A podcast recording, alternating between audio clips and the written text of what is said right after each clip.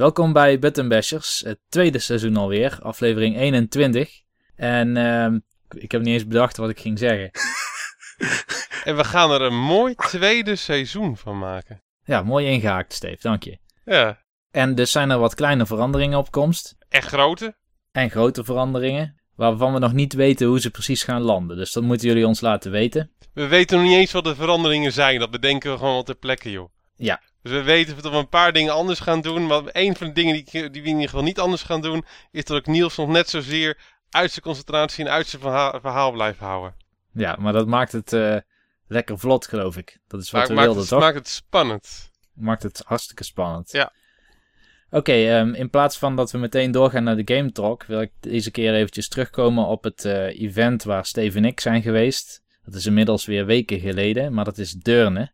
We hebben een tijdje geen episode gereleased, dus, eh, dus Deurne was eventjes weggevallen. Ja, en het was echt september Retro Game Event maand. Precies, Vroeg- ja. Vroeger had je mei maand filmmaand van Veronica. Het is nog steeds, toch? Nou, ik zou goed kunnen, kijk nooit naar die shitzender. Oké, nou ja, dat is, ze doen het nog steeds. je, vroeger had je geen alternatieven. Nee, had je Nederland 1 en Nederland 2. Ja, maar het was wel leuk toen toch, Martijn? Want Martijn is er ook. Ja, ik wou dat zeggen. Ik heb het nooit gezien eigenlijk. Je dus, hebt eh, het nog, nog nooit Oh. gezien? nee, ik niet maand, zoveel filmmaand TV. van Veronica? Nee? Ja, dat is, dat nee, is pas retro. Oké. Maar, maar goed, jullie waren in Deurne en ik was daar, ik was daar wederom niet. Nee, je Ja. had het weer druk natuurlijk. Bakken Ja. en bakken met goedkope PlayStation games natuurlijk, zoals altijd. Ja, zoals altijd. Dat is. Bijna voor niks. Bijna voor niks. ja. Maar hebben jullie nog een beetje wat gescoord daar dan, gasten? Ja, ik zou het wel denken. Allebei toch, denk ik wel, Niels? Ja, ja, zeker. Voor het eerst ben ik gegaan zonder dat ik iets per se zocht. Dat is me op zich eh, goed bevallen. Was dat, was dat leuker kijken? Het was relaxter kijken. Oké. Dus je, ja, als je een spel tegenkomt dat je wil hebben, dan eh, kun je het eventueel nog laten liggen om te kijken of dat je het ergens anders goedkoper tegenkomt. Zo niet, en is je misschien weg, ja, pech. Ja, dat je is was het er toch niet dan. naar op zoek. Nee. Maar ja, goed, je weet in je hoofd wel welke games je nog wel en niet wil hebben. Je loopt dan Ja. niet precies met een doel, maar je hebt wel toch wel een doel. Het is niet zo dat bij elke game, die bij wijze van spreken in de categorie 5 euro en lager valt, dat je denkt, nou, die heb ik nog niet, dus dan neem ik hem maar mee. Nee, dat klopt. Ik had eh, in navolging van de Sega-episode van vorige keer, heb ik eigenlijk bijna alleen maar Genesis of eh Mega Drive games gekocht. Oké. Nou, dat Dus, is dan eh, wel goed. Ja, Golden Axe 1 en 2 heb ik gekocht. Voor een Ehm, mooie prijs ook. Ja, eh, even kijken. Rock'n'Roll Racing. Oh, cool. Ik zou eigenlijk de SNES-versie liever gehad hebben, maar die prijzen liggen zo ver uit elkaar. Uiteindelijk heb ik hem bij Steven eh, van Video Game World gekocht. Daar was hij gewoon op zich netjes geprijsd. Dat is Blizzard ook, hè? Die Ja, dat eh, heeft gemaakt. Klopt. Inderdaad, er zitten ook allerlei bekende nummers in. Onder Ja. andere van Golden Earring. Het is best leuk om die remix te horen. En ehm, even kijken. Ik heb ook eh, Sonic 3 gekocht van Tanuki. Voor degenen die hem kennen.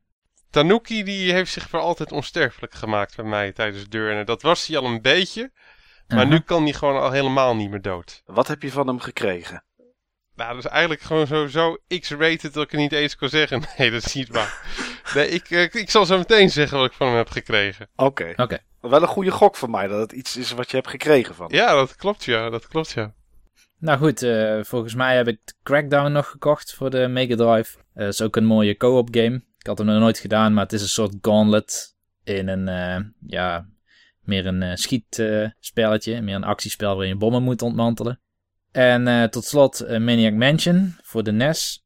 En uiteindelijk was ik nog aan het kijken voor Banjo-Tooie. Die kreeg ik echter niet gevonden, maar die heb ik afgelopen week van Dennis gekocht. Dennis, eh, Toch aan het kijken uiteindelijk voor een game. Ja. In dit geval Banjo-Tooie. Maar Ja. dit was er eentje, daar hebben we Niels al zo vaak over gehoord. Dat, Oh. dat telt niet, eh, niet echt. Hiervan Nee. wisten we dat, we hem, dat hij hem gewoon heel graag wou hebben. Oké. ik heb hem dus van een Palrox Forum member gekocht inderdaad. Vandaag in de bus gekregen. Nou, mooi. Dus dat wordt eh, binnenkort weer die Nintendo 64 eh, aansluiten. Zeker weten, ja. Een paar, eh, paar weken Blurrovision. Steve, eh, wat heb jij eh zoal gekocht? Ja, wat heb ik zo al gekocht? Ik ben ten eerste ben ik zo'n beetje echt all out gegaan met, eh, met dingen die ik eigenlijk niet zocht. Ik heb weer eens een keer een van mijn befaamde impuls aankopen gedaan. En daar heb ik vervolgens al mijn andere impuls aankopen van de beurs een beetje op afgestemd. Oh, ik, Ik- weet het alweer. Ik had ja. voor, voor 39 euro had ik, een, had ik een geteste links met allemaal accessoires en twee games eh sealed eh, kunnen kopen bij een kerel die echt een hele bezooi van die dingen had voor, eh, voor goede prijzen. En ik had zoiets van, joh, leuk.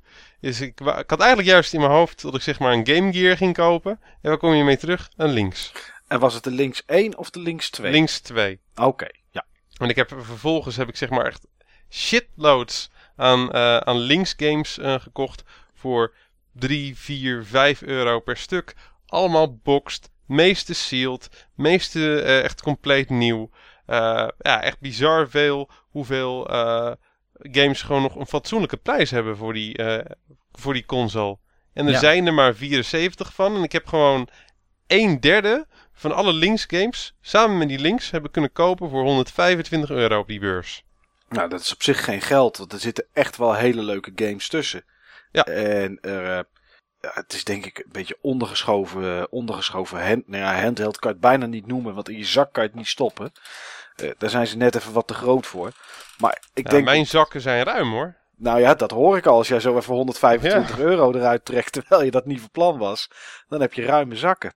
Oh ja, dat was nog, ik heb nog wel meer gekocht hoor. Ach jee, nou, brand maar los dan. Ik heb ook nog, eh, dat was echt de aankoop van de beurs eh, voor mij, Years Book 1 en 2 gekocht. Oké. Echt helemaal eh, compleet, inclusief de omdoos, inclusief de kaart. Voor de mensen die het niet kennen, dat is een, eh, dat is een van de mooiste TurboGrafx eh games. Een van de eerste action RPG's met zo'n beetje alle tekst gesproken.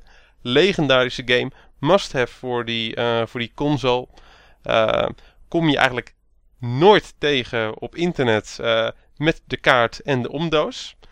En al zeker verwacht je hem dan niet op zo'n eh, Nederlandse beurs eh, te vinden. Maar hij lag er voor vier tientjes. En normaal gesproken is zo'n ding echt vet boven de 100 euro eh, gaan op eBay. Dus dat was een lucky. Dus echt Mhm. een lucky. Verder had, had ik nog twee mooie ruils kunnen maken. Ik had zeg maar een, zo'n portable SNES clone, zo'n Superboy. Die had ik geruild met iemand voor het forum. Roy, SNEScialist. Voor een echt hele mooie NES CIB. Die had ik nog niet. Was natuurlijk Poepie Mint. Ja, zag er prima uit. Prima uit. Echt eh, netjes ingepakt zelfs eh, nog eh, in folie. een soort met van doorzichtige folie om te beschermen. Ga ik nu ook met mijn andere retro consoles doen. Dus daar was ik heel blij mee. Nog veel mooiere ruil zelfs kunnen maken. Ik had een mooie crappy Zelda CDI game nog liggen. Zelda's Adventure. Best wel duur, maar enorm scheid. Legendarisch slechte game. En die heb ik eh, kunnen ruilen met eh, Boris van Magic Buttons. Eh, zeg maar een be- grote bekende webwinkel voor, eh, voor retro games voor wie ze niet kennen. En eh, voor Symphony of the Night. PlayStation is echt een all-time classic. Nou, dat is een mooie ruil. Ja, dat was echt een hele mooie ruil. Dat was gewoon een game die ik echt heel graag al wou hebben. Maar die de laatste tijd ste- steeds duurder en duurder eh, geworden is. En eh, ik kreeg er zelfs nog wat eh, geld bij extra ook. Dus dat was echt super relaxed. Nee, vond ik echt een mooie ruil. Ja, zeker. Ja, En eh, wat, wat vond je van Deurne deze keer ten opzichte van de vorige keer? ik vond het, eh, ik vond het eh, ja, ruimtelijker. Dat kwam Mhm. door twee dingen. Eh, het is groter gemaakt met behulp van tenten. Eh, ja, er is een soort met van half tentenkamp eh, geplaatst. Je, je, je waant je echt gewoon tussen de zigeuners of, eh, of eh, indianen of vluchtelingen. Het is gewoon, gewoon net welk spelletje je, ja, het, eh, ja, je het leukst vindt om te spelen. Dus wij hebben gewoon zeg maar, een beetje indianen gespeeld in die tenten. Is er En, ook, eh, eh, staat er ook buiten iemand met zo'n grote wok waar dan eh zwarma in gebakken wordt? ja. ja, ja, zeker, zeker, zeker. Goed. hè. En ja, af en toe kwamen er ook clowns. En Oh. de ci- circusdieren. Dus ja, echt gewoon alle, alle associaties met een tent, die, ja, die worden gewoon waargemaakt. Dus het is, het is zo'n soort met van hele complete ervaring geworden. Nee, er staan alleen tafels met games. Ja, maar het was wel beter, las ik volgens mij, Ja. of niet? Qua Ja. eh, opzet. Maar het was ook rustiger. Ja. Het was ook rustiger. Eh, Zeiden de ik- verkopers ook, hè? Ja, ik weet niet zozeer of eh, aantallen echt door de helft gegaan zijn die van de bezoekers. Maar ik weet wel dat de omzet eh, bij veel mensen ongeveer door de helft was eh, gegaan. Dus ja, mensen hebben toch gewoon wat minder te besteden na de vakantie. En september is gewoon een hele drukke retro maand. Ja, want elk weekend is er wel ergens wat te vinden op Elk weekend is er altijd wel wat eh, te vinden in eh, september. Maar, ja, en eh, daarnaast was je nog ergens naartoe geweest. Ja, ja, maar daarvoor moet ik nog eventjes eh, Ja. Henry Tanuki eh, bedanken voor de Sea Ranger die ik eh, van hem eh, gehad heb. Ik heb het al een keer in een eerdere uitzending eh, aangestipt. Eh, sea Ranger, LCD-game, Game Watch clone, een van de betere. Die eh, ja, eh, was mijn eerste game ooit. En eh, die van mij heeft wat schade opgelopen. En hij had er eentje liggen en eh, ja, die mocht ik van hem hebben. Dus hij vond het echt super tof dat ik er zo enthousiast over, over was. En joh, Henry is sowieso een hele, hele toffe en fijne gast. Dus daar ben ik gewoon extra blij mee. Ik ga binnenkort ga ik, nog eens een keertje, ja, ook iets cools voor hem doen. Maar dat ziet hij wel. En dat is een mooi bruggetje. Want Ja. Ja, ik ben ook eh, volgens mij als enige bij eh, de Retro Gaming Experience eh, geweest. Ja, eigenlijk een heel groot eh, arcade eh, event in, in Hilversum met wat dingen eromheen. Maar de kern lag toch echt wel bij arcade games. Het is voortgekomen uit Eurocade. Voor de mensen die dat kennen. Ik ken het zelf niet, maar ik heb wat, op internet wat dingen over eh, gehoord. Ja, was enorm leuk. En eh, heb ik echt heel veel arcade games gespeeld. En was ook een hele leuke, interessante lezing over eh, LCD handheld games uit de jaren 70 en 80 Oké, dat is wel gaaf. heb ik echt heel veel dingen erover eh, ja, over geleerd. Van een of andere gast die was architect. En die was dan nu eh eventjes in between jobs. En die had zichzelf dan ja, bezig gehouden door echt een heel uitgebreid boek te schrijven over LCD games. En het blijkt dat al die LCD games gebaseerd zijn op eh, een processor die bedoeld is voor een bepaald type rekenmachine. Oké, en is dat, eh, is dat eh, een Texas eh, instrument waarschijnlijk of niet? Nee, nee, nee. Het Oké. een van die Japanse zak ja, rekenmachine geweest zijn. Het moet echt wel zo'n japzak ding geweest zijn. Ja. Maar eh ja, er gewoon echt hele interessante dingen over, eh, over te zeggen. Maar voor de rest heb ik eigenlijk alleen daar arcade games eh, gespeeld. En dat was echt zo vreselijk de moeite waard. Geweldig. Ja, we zagen natuurlijk een foto van jou. Ja, In, eh, wat was het ook weer? Afterburner of niet? In Afterburner. Afterburner. Ik had al een foto eh, van mij in eh, een nieuwe Afterburner kast. Maar nu heb ik hem ook gewoon echt in een originele Afterburner kast. En als er één kast is waarvoor ik veel liefde heb, dan is het gewoon wel Afterburner. Het ding draaide alle kanten op. eh, het ding voelde gewoon echt zo high-tech. En op het moment dat je, eh, ja, dat je nog klein was en je stapte echt gewoon in zijn cabine. Dat gaf gewoon een magisch eh, ja, gevoel. Eh toen moest je echt nog inklauteren. Nu moest ik even kijken hoe ik überhaupt erin paste. of je Maar- er weer uitkwam. Ja, of ik er weer uitkwam, inderdaad, ja. Dus ja, dat was gewoon echt gaaf. En ik heb gewoon echt zoveel games gespeeld. Lunar Lander, nooit eerder gespeeld. Enorm tof. Eh, de arcade versie van Berserk. R-Type. eh, Zo'n Nintendo-kabinet eh, met Dr. Mario erop. De Simpsons arcade met z'n drieën in co-op. Dat is leuk, dat heb ik een keer gespeeld. Dat is Ja. gaaf om te doen. eh, Amidar, een oude Konami game die ik echt nog nooit gespeeld had. Outrun. Ja, echt te veel om op te noemen. Dat ga ik ook zeker niet, eh, niet doen. Alles stond op freeplay. Het kostte 15 euro. En ik denk dat ik wel 30, 40 keer op kast heb staan spelen. Dus alleen daar al haal je het gewoon dik voor jezelf uit. En dan zonder er een gulden in te gooien. Zonder een gulden erin te gooien, inderdaad, ja. Ja. En wat gewoon echt heel leuk was, al die dingen stonden gewoon bij elkaar in een, een eh, ja, donker zaaltje boven. Het voelde ook echt gewoon als zo'n oude speelhal. Met echt een beetje kitschachtige muren, die had die ruimte al van zichzelf. Het, het voelde echt als zo'n speelhal. Jaren 80 muziek, geweldig. Het was echt gewoon een trip naar memory lane. En volgend jaar is die weer, volgend jaar is die nog groter, ga ik sowieso weer. Nou, wie weet eh, gaan wij ook. Ik, Ja. eh, ik zou het wel, eh, als het een beetje te doen is qua afstand en, eh, en het weekend valt gunstig, dan ga ik er zeker naartoe. Nou, Utrecht moet sowieso voor jou wel te doen zijn qua afstand, toch? Nee, Hilversum. Hilversum. Hilversum, ja, qua, het is voor mij toch een slordige 1 uur, drie kwartier rij of zo. Ja, maar dan moet je gewoon maar niet in Duitsland gaan wonen. Ja, maar dan kan ik wel een Xbox One halen eh, 22 november. Oh ja, joh, daar ben je blij mee natuurlijk. Al die games lekker in 27p en 900p lekker terugschalen omdat hij het anders niet redt. Maakt mij niks uit. Ik speel Dead Rising op 22 november, nu jullie Dat weer. is wel weer zo, inderdaad, ja. Goed. Ja, mag ik nog één ding zeggen? Want ik ben over, eh, bij nog één eh, event eh, geweest om de eventkalender compleet te krijgen. Dit weekend ben ik naar Wetteren geweest. En echt zo'n plaats waar ik bij god niet van wees van wist dat die bestond. Dat was een plaatsje vlakbij Gent. Waar ze ook weer een retro gamebeurs verzonnen hadden. En die retro gamebeurs in België die zijn volgens mij nooit een lang leven beschoren. Ze zijn nooit twee keer in dezelfde plek. Ja, dit was echt, nou, het was echt zo'n mooie ervaring. Dat pand, dat pand zag echt gewoon uit alsof het gewoon uit elkaar ging vallen. Op het moment dat je zeg maar tegen een muur zou duwen, dat hij dan gewoon echt in elkaar zou, eh, zou donderen met het hele gebouw er gewoon eh, achteraan. Dus eh, het pand dat was echt al zoiets dat je dacht van ja, ja, ja. Hij was niet zo groot ook, eh, die beurs. Hij was echt klein. Ik denk ongeveer net zo groot voor de mensen die dat bezocht hebben als Eindhoven. Die was ook niet zo groot. Eh, nee, inderdaad. Nee. Oké. Maar wel een paar leuke dingen eh, gevonden. Waaronder Space Channel 5 Part 2 op de PS2.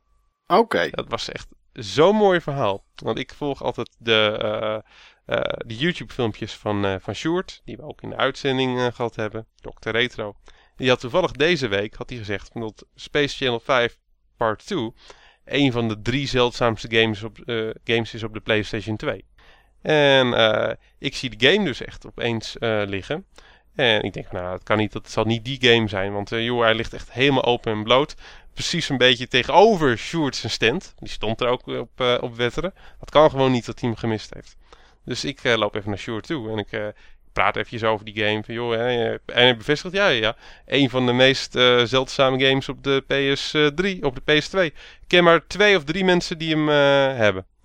Ik zeg, ja, nou Sjoerd, kijk eventjes wat ik doe. Zo meteen keer de vier.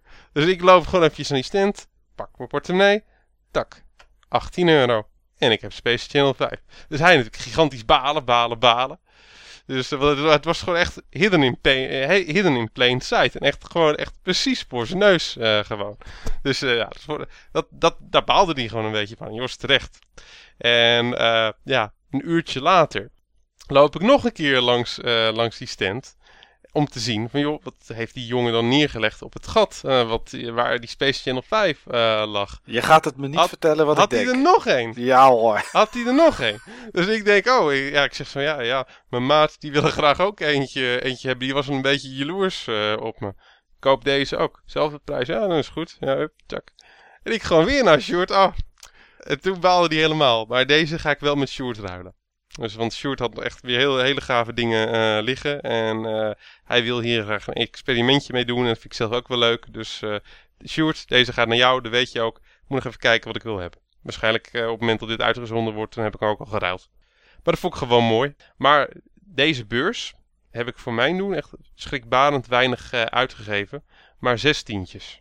Oké. Voor mijn doen is dat echt eh, zeer, zeer bescheiden. En er is al 36 euro dan voor, eh, voor twee Space Channel Ja. 5's. Ja, klopt. En voor de rest had ik eigenlijk heel weinig.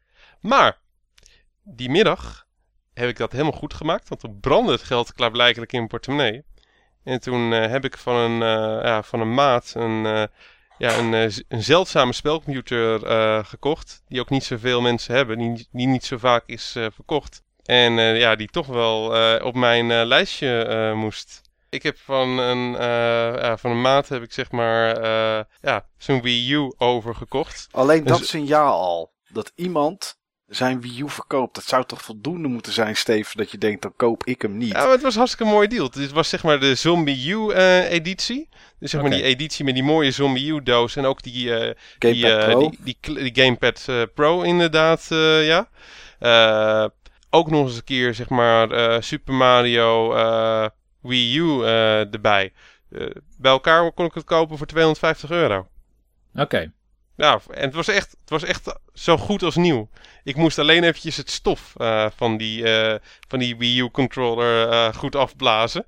Want man, wat lag daar veel stof eh, Nou. op. Voor dat bedrag had ik toch 13 Space Channel 5's gekocht hoor, als ik jou was. ja, ja, ja.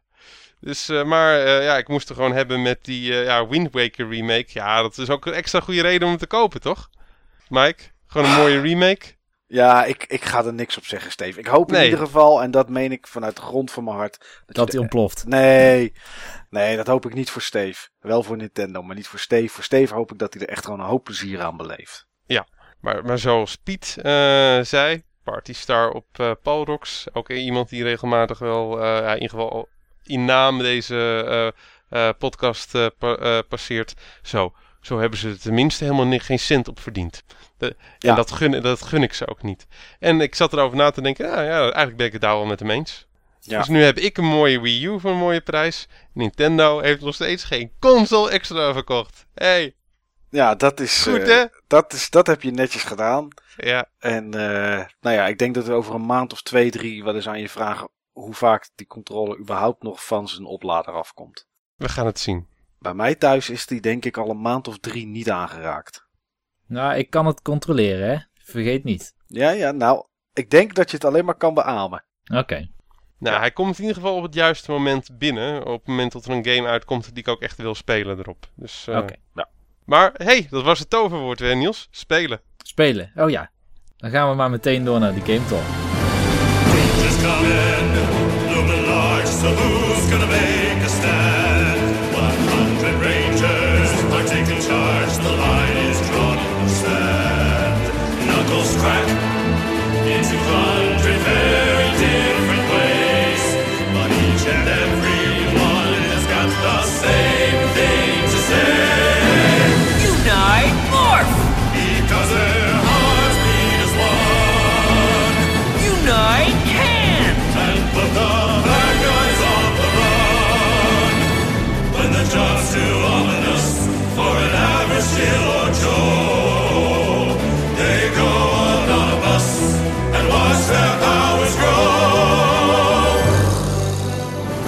Nou, de Game Talk deze week. En eh, nou, van Martijn hebben we nog niet zoveel gehoord. Dus ik zou zeggen, Martijn, als jij eens begint.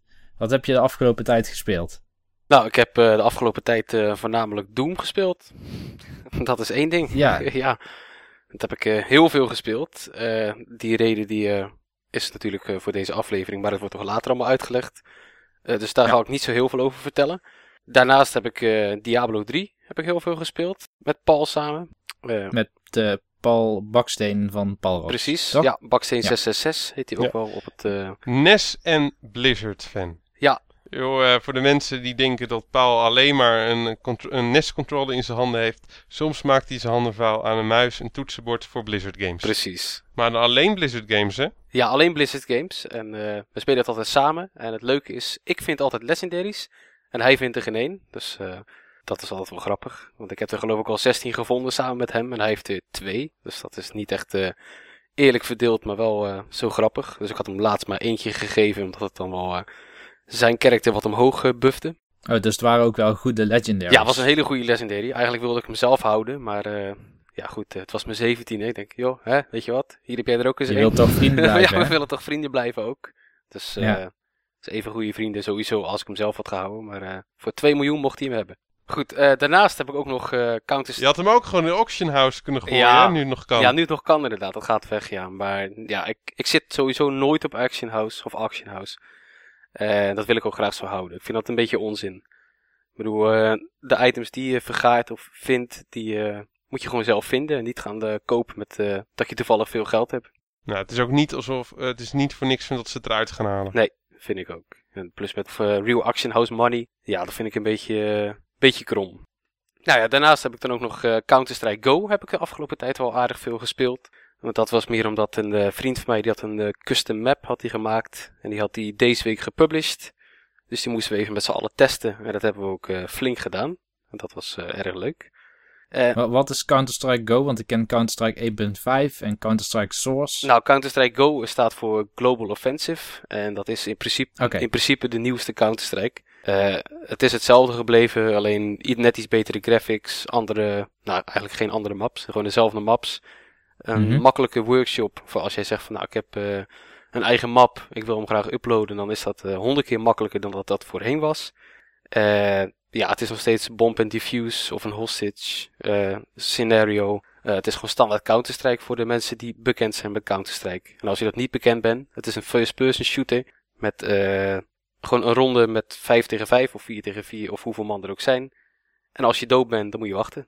En allemaal zure mannetjes die het spelen, die totaal niet tegen een grapje kunnen. Ja, het, is al, het wordt wel te serieus genomen. Dat is één ding. Ja. Maar dat maakt het eh, niet minder leuk. En als je het gewoon met vrienden speelt, dan is het gewoon altijd leuk. Dus eh, zo is dat. En ik heb daarnaast heb ik ook nog eh, Angry Video Game Nerd Adventures geprobeerd. Want die had ik ook gekocht. En dat viel heel erg tegen, moet ik zeggen. Daar was ik al bang voor een beetje. Ja, ik, Maar hij heeft natuurlijk ook heel veel verstand van slechte games, hè? Ja, oké, kijk, ik begrijp zijn intentie dat hij het slecht wil maken, maar als je elk level eh, bijna hetzelfde maakt qua enemy placement en wat ze doen en blokjes die je doodmaken en ja, de, pff, hoe noem het, de zoveelste kut in die game die, eh die deads bijhoudt en allemaal checkpoints heeft, ja, dat heb ik nou eigenlijk al een beetje gezien en dat voelt niet vernieuwend. Eh, ja, of je nou slangs erin gooit van zijn afleveringen en wat dan ook, dat maakt het ook niet veel leuker. Eh, het is gewoon niet voor mij weggelegd. Ik, eh, ik ga gewoon honderd keer ga ik dood. Ik zit weer op dezelfde checkpoint. De, de sounds zijn niet leuk. Het, het valt gewoon een beetje tegen. Het is, het is even grappig, maar ja, op den duur dan wordt alles vreselijk herhaald. Ik vind het niks. Oké. En daarnaast heb ik nog een beetje eh, NES zitten spelen met een vriend van mij afgelopen weekend. Ja, meer games heb ik eigenlijk niet gedaan. Bezig gehouden met één bepaalde game. Ja, ja, daar weet ik ook alles van. ja, Allemaal, wij allemaal denk ik wel. nou wat dat er gaat, eh, ik ben ook wel erg benieuwd wat jij hebt gespeeld, Nieuws. Ja, ehm, ik heb eigenlijk eh, voornamelijk naast Doom alleen nog maar de Wonderful 101 gespeeld. Oké. Die vind jij leuk, hè? Die vind ik echt heel erg leuk, inderdaad. Ik weet dat er veel mensen zijn die daar eh, anders tegen aankijken. Ja, ik zeg niks. Ik heb het, eh, ik heb het wel gespeeld, maar dat was puur eh, demo-wise. En ik vind het iets te rommelig en chaotisch. En ik vond het tekenen van de figuren op de gamepad niet altijd even prettig werken. Ja, ik herken wel wat je daar zegt. Vooral dat laatste, dat rommelig en chaotisch, dat heb ik zelf eigenlijk nooit last van gehad. Maar dat tekenen, als je de vormpjes te groot tekent op je gamepad, dan raak je misschien weer een menu-item waarmee je naar een ander scherm gaat. Nou, en probeer maar in het heetst van de strijd op jouw gamepad terug te gaan naar het scherm waarop je je figuur kan gaan tekenen, want dat is nogal een, eh, een hele opgave. Ja, Dus daar heb ik dat inderdaad wel gemerkt. Ik heb op zich niet zo'n probleem gehad met eh, de recognition, zeg maar, van de gamepad. oké. Als Ja. je het gewoon simpel blijft eh, houden. Nou, ja, wat mij opvalt is vooral dat de reviews behoorlijk uit elkaar lopen. Van een 6 tot een 10. Dat vind Ja. ik eh, eigenlijk wel een heel erg groot verschil. Ja, maar ik begrijp het ergens wel. Oké. Want ehm, als je ook kijkt naar eh, wat mensen denken dat die game is, dat ze denken dat het een soort Pikmin is bijvoorbeeld. Nou, je kan bijna niet verder van de waarheid afzitten, want het lijkt echt in geen enkel opzicht op Pikmin. Misschien als je een screenshot bekijkt, dat je denkt, hé, hey, veel poppetjes. Pikmin is ook veel poppetjes. Dat Ja. is... Maar als je het speelt, zeg maar, ja, het is net als- alsof je bijvoorbeeld, ik noem maar wat, Bayonetta speelt. Alleen je bent één, ja, een groep mannetjes in plaats van één mannetje. Zo zou je het kunnen zien. Oké. Maar uiteindelijk moet je het spelen alsof je één mannetje bent. En ik heb het hier toevallig met eh, Martijn dit weekend nog over gehad. Ik denk dat als je The Wonderful 101 benadert als een soort diepe combat game, of meer een soort van Monster Hunter, dus echt heel erg eh, precies en heel erg verfijnd, dan pas klikt het spel, denk ik. Anders dan ben je maar wat aan het rammen en je komt op zich wel door het spel heen, want je respawnt eigenlijk altijd op het punt waar je af bent gegaan. Dus hoe moeilijk je het ook speelt, je kan altijd wel verder. Het zal niet zo leuk zijn als je een miljard keer afgaat, maar je kan verder. Maar wat het spel voor mij wel heeft, is een heel rewarding battle systeem. Het doet het eigenlijk iets beter nog dan hun vorige titel Bayonetta. Eh, hoewel Bayonetta iets dieper is qua combo systeem. Steve, je hebt heel veel Bayonetta gespeeld, toch hè? Nee, nee, nee, heel weinig. Heel weinig, oké. Ik kan me nog herinneren dat je het in ieder geval een goede titel vond. Vind ik ook. Ja. Maar ik heb niet veel gespeeld hoor. Oh, oké, dan heb ik me daarin vergist. Nou, wat eh The Wonderful One ongeveer doet, is bedenk zoiets als Bayonetta, maar dan iets meer op, eh, iets meer op reflex gebaseerd.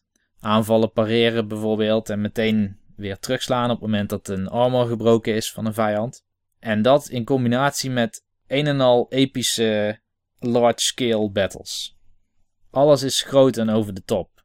Tot het punt waar je bijna moe van wordt en ermee stopt. Dus eh, eigenlijk zijn de momenten die in God of War heel goed bijstaan, dat moet je nemen als uitgangspunt. Als ik eh, nu een filmpje, een trailer zie van Battlefield 4 en er stort dan een eh, flatgebouw op, dan is dat best aardig. Maar in The Wonderful One stond ik op een instortend flatgebouw, terwijl er een grote robot tegenover me stond die mij probeerde met een ander flatgebouw plat te slaan. Dus dat bedoel ik met scale. Het is echt... Oké. eh, en wat dan nog wel grappig is, is ik kijk de cutscenes af. En Zo. die zitten er veel in. Nou, het moet niet gekker worden. Maar weet je hoe dat komt? Die cutscenes die nemen zichzelf niet serieus, dus ik neem ze ook niet serieus. Ja. Maar het heeft echt een serieus een soort van Power Ranger meets Cartoon Network feel. Dus de voice van de, de, de, de voice acting die je gewend bent van Cartoon Network, dat soort Ja. stemmen. Met het super overdreven, comic-esque, eh, Power Ranger-achtige idee. Nou, ik vind het in ieder geval tof om te horen dat die game zo voor jou klikt. Ja, ik, eh, ik moedig jou aan, Steve, voor wanneer je Wii U hebt, om die demo te downloaden en hem op een zo moeilijk mogelijke stand te zetten. En misschien klikt het dan ook.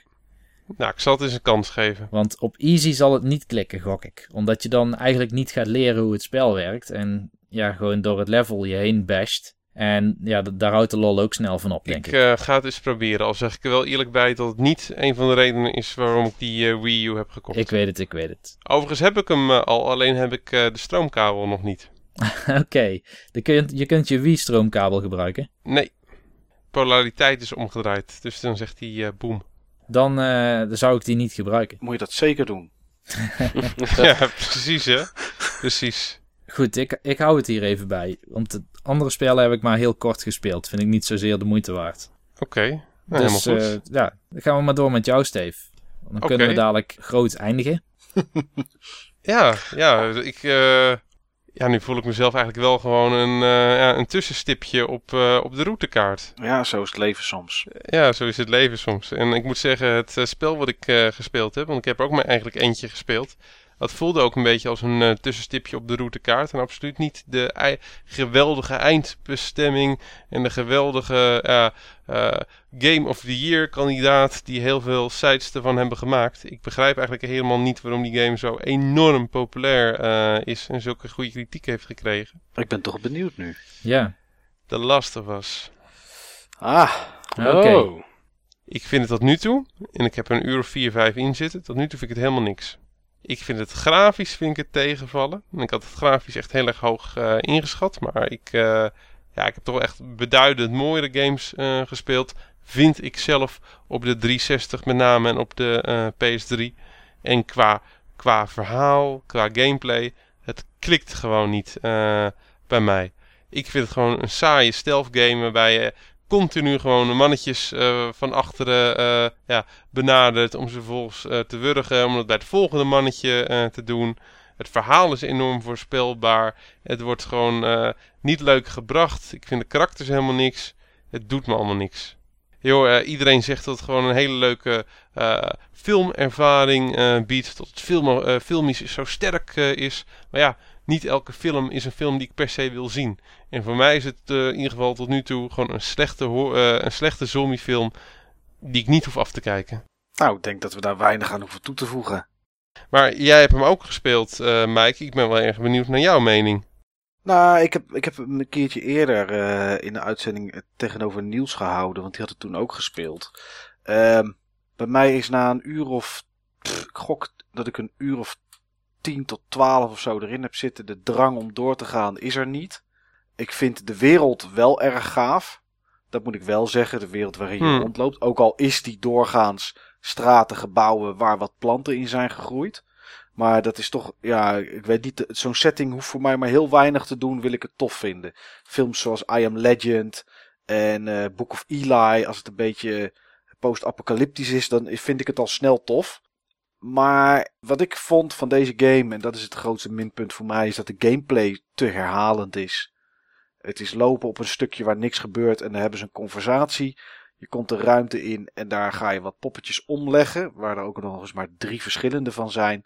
En zodra dat gebeurd is, dan weet je dat het veilig is, want het wordt meestal wel verteld. Ga je door naar de volgende ruimte, loop je, cutscene en zo herhaalt zich dat. En eh, Ja, dat Ja. helpt allemaal niet, hè? Nee, dat En helpt. Dat gevoel heb ik nu gewoon al. Ja, dat vind ik gewoon zonde. Ik heb het stuk verder dan doorgespeeld dan waar jij nu bent, omdat mensen altijd maar zeiden dat het een goede game was. Eh, maar dat is, ja, ik zie wel dat het een mooie game is. En ik vind het op zich grafisch vind ik het best wel, best wel aardig. Eh, de reden dat ik het niet indrukwekkend vind, daar kom ik zo nog wat terug op bij, bij wat ik gespeeld heb. Nee, het doet het niet voor mij. Ik vrees niet dat ik het uit ga spelen. Nee, en joh, eh, het is inderdaad precies wat jij zegt. Graf- eh, grafisch vind ik het ook gewoon aardig. Eh, ik denk dat zeg maar, de game die jij gespeeld hebt en alle filmpjes die ik daarvan gezien heb... eh, te hoge verwachtingen voor mij gecreëerd hadden van The Last of Us... wat een concurrent is voor de Game of the Year eh, titel. Ja. Ja. En daarmee wil ik eigenlijk het stokje gewoon direct aan jou geven. Nou, dat mag. Ik heb de afgelopen tijd redelijk veel gespeeld en ook redelijk weinig. De twee games die ik even aan wil stippen, omdat het twee grote titels zijn, is als eerste Puppeteer. Dat heb ik, Ja. eh, heb ik gespeeld en heb ik, eh, heb ik gereviewd. Ehm, ja, ik kwam niet hoger uit dan iets boven een 7. En de reden daarvoor is dat het een platformgame is die goed technisch in elkaar steekt. Grafisch, eh, het speelt zich af in een theater. En alles wordt zeg maar opgebouwd zoals een, ehm, een decor van het theater. Dus eh, dingen voor en achter elkaar. En dat is leuk. Er is, er is genoeg te zien. De presentatie is mooi. Maar er zit geen plezier in het spel. Gewoon niet. Het is een platformgame. En als je aan het einde van het level bent, denk je: ik ben aan het einde van het level. Kom maar op met de volgende. Want dan kan ik er snel doorheen. Ik betrapte me er zelfs op dat ik, eh, dat ik nieuwstrekjes kreeg. Want ik ging het verhaal doorskippen. en als ik dat ga zitten doen, dan is het niet goed. Dus, eh, nou ja, goed. Dat was voor mij in ieder geval puppeteer. Ja, en ik heb deze week, eh, al is het nog niet zo heel veel, heb ik GTA 5 uiteraard gespeeld.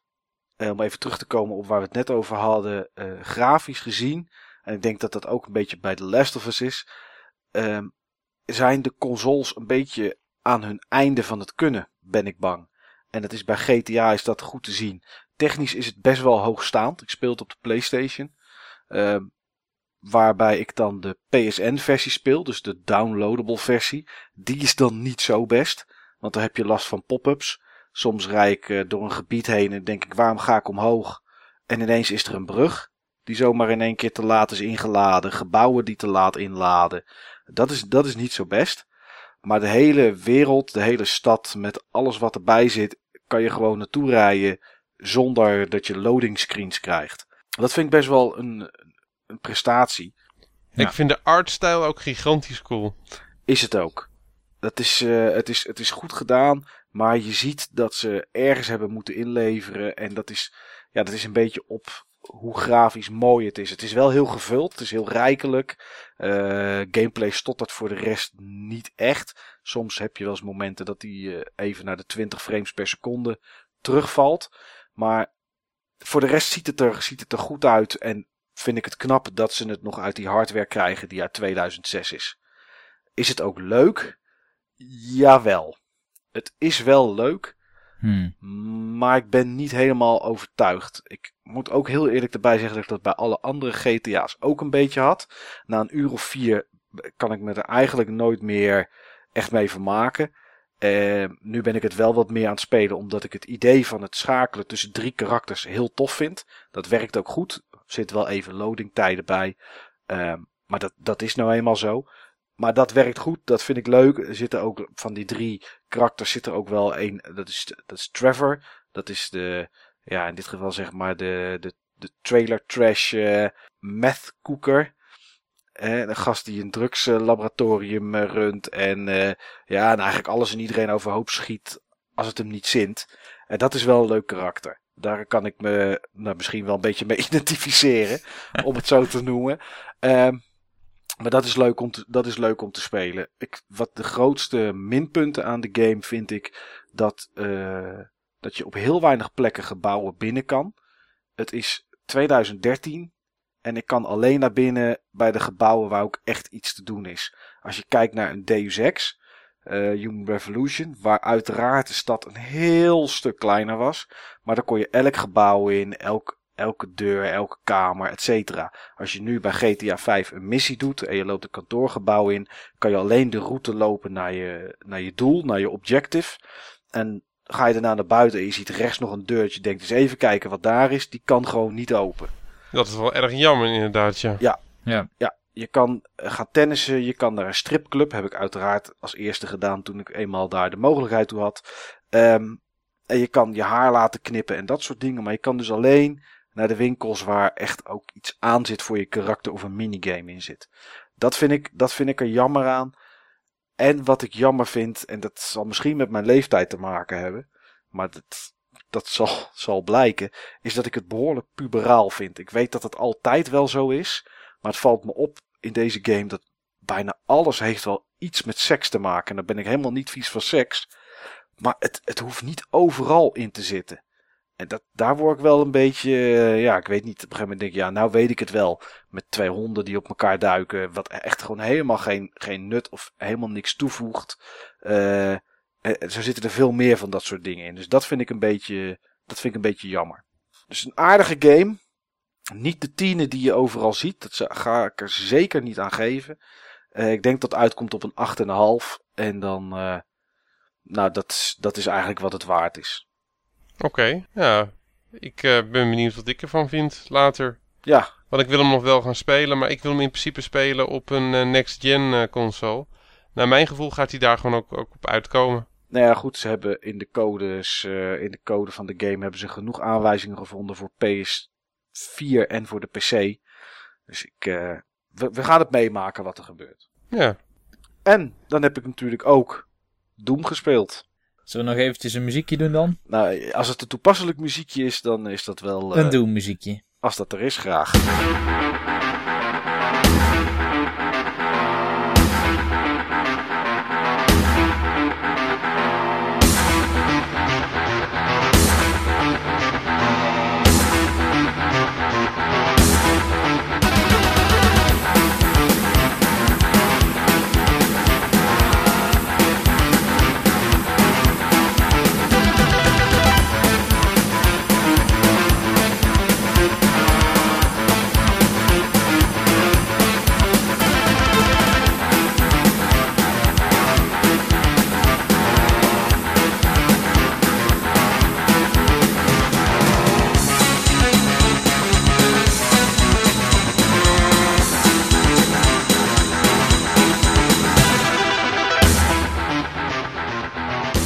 Goed, eh, we gaan het hebben over het spel Doom. En dat is de eerste keer dat we een soort retro review, retrospective doen van een de game. die retro focus. gaan- Een retro focus, zullen we misschien het zo voortaan noemen? Een retro focus. Oké. Een retro focus van eh, Doom.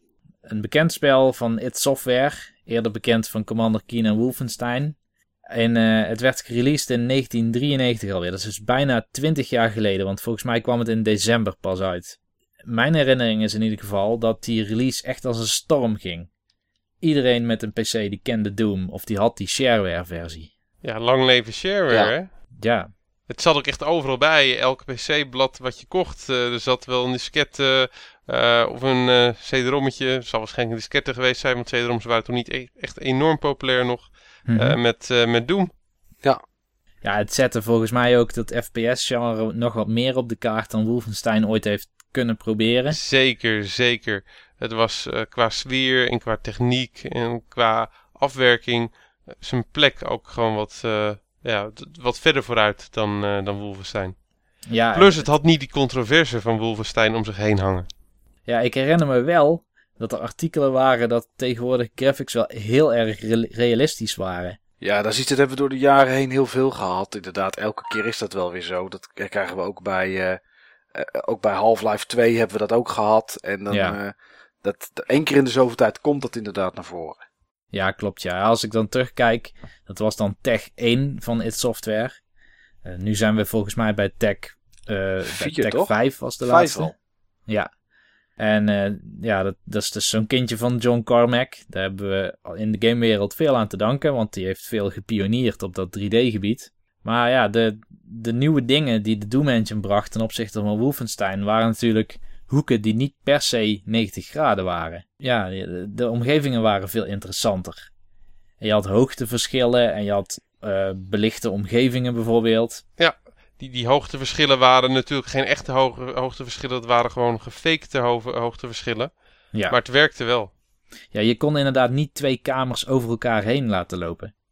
Maar met kon- trucs wisten ze dat zo te bewerkstelligen dat het net voelde alsof je dat eh, wel deed. Ja, nee, dat klopt inderdaad, ja. Ook trouwens grappig is, eh, Doom heeft eigenlijk het eh, principe deathmatch in een eh, first-person shooter gepioneerd. Dat was daarvoor nog niet gedaan. En daar hebben we nog op de dag van vandaag enorm veel plezier van. Eh, Ja. Nou, Al die schreeuwende kinderen, al, die, eh, al dat gevloek op Xbox Live en eh, al dat soort netwerken. Allemaal dankzij, dankzij Doom. ja, Nou ja, 40% van de Xbox Live gebruikers is vrouw, Steve. Dus Ja, nee, nee, nee. 40%, 40% van de Xbox eh, Live gebruikers zegt dat ze vrouw is. nee, dat schijnt onderzocht te zijn. Maar goed, dat, maakt, dat heeft Ja. niks met Doom te maken voor de rest. Joh, eh, straks met de Xbox One kunnen ze het ook echt onderzoeken. Dan kunnen ze gewoon echt kijken wie de borsten heeft en wie niet. Toch? Nee, ik denk dat heel veel mensen die Kinect er wel uittrekken. Dat hoop ik dan maar. Niels, ga verder. goed, ja. Als we teruggaan naar de tijd dat Doom uitkwam, eh, was die impact in jullie directe omgeving ook voelbaar? Nou ja, ik weet wel, de eerste keer dat ik hem speelde was ik, eh, ja, ik weet niet meer precies hoe oud ik was. In ieder geval onder de 10. En ik was volgens mij in het tweede level op het allermakkelijkste niveau. En ik schrok me echt de pleuris van die shotgun guy. Eh, of hoe die ook heet, eh, Sergeant geloof ik. Mhm. En daar werd ik er ook keihard door neergeschoten. En toen ben ik nog geloof ik een level verder gekomen. Omdat ik het toch wel eh, wilde proberen. Ook al was het echt super eng om te spelen, zelfs op klaarlichte dag. Eh, ja, ik kwam niet echt veel verder. Dus heb ik het eh, toen de tijd maar weer laten liggen. Voor even. Want eh, ja, ik kreeg, ik kreeg er gewoon nachtmerries van. Wisten je ouders dat je het speelde toen? Ja, ja die wist Oké. het. Mijn vader zat mooi mee te kijken. En die eh, vond het allemaal super indrukwekkend. Mhm. En, eh, want ja, had eh, eerst nog Pac-Man Die gespeeld. vond het zelf ook wel een beetje eng. Ja, dat, dat, waarschijnlijk- dat weet ik niet meer zeker. Maar misschien wel. Want het is wel een beetje een scheidhit. Eh Moet Maar, ik dat laten ja. zitten, Martijn?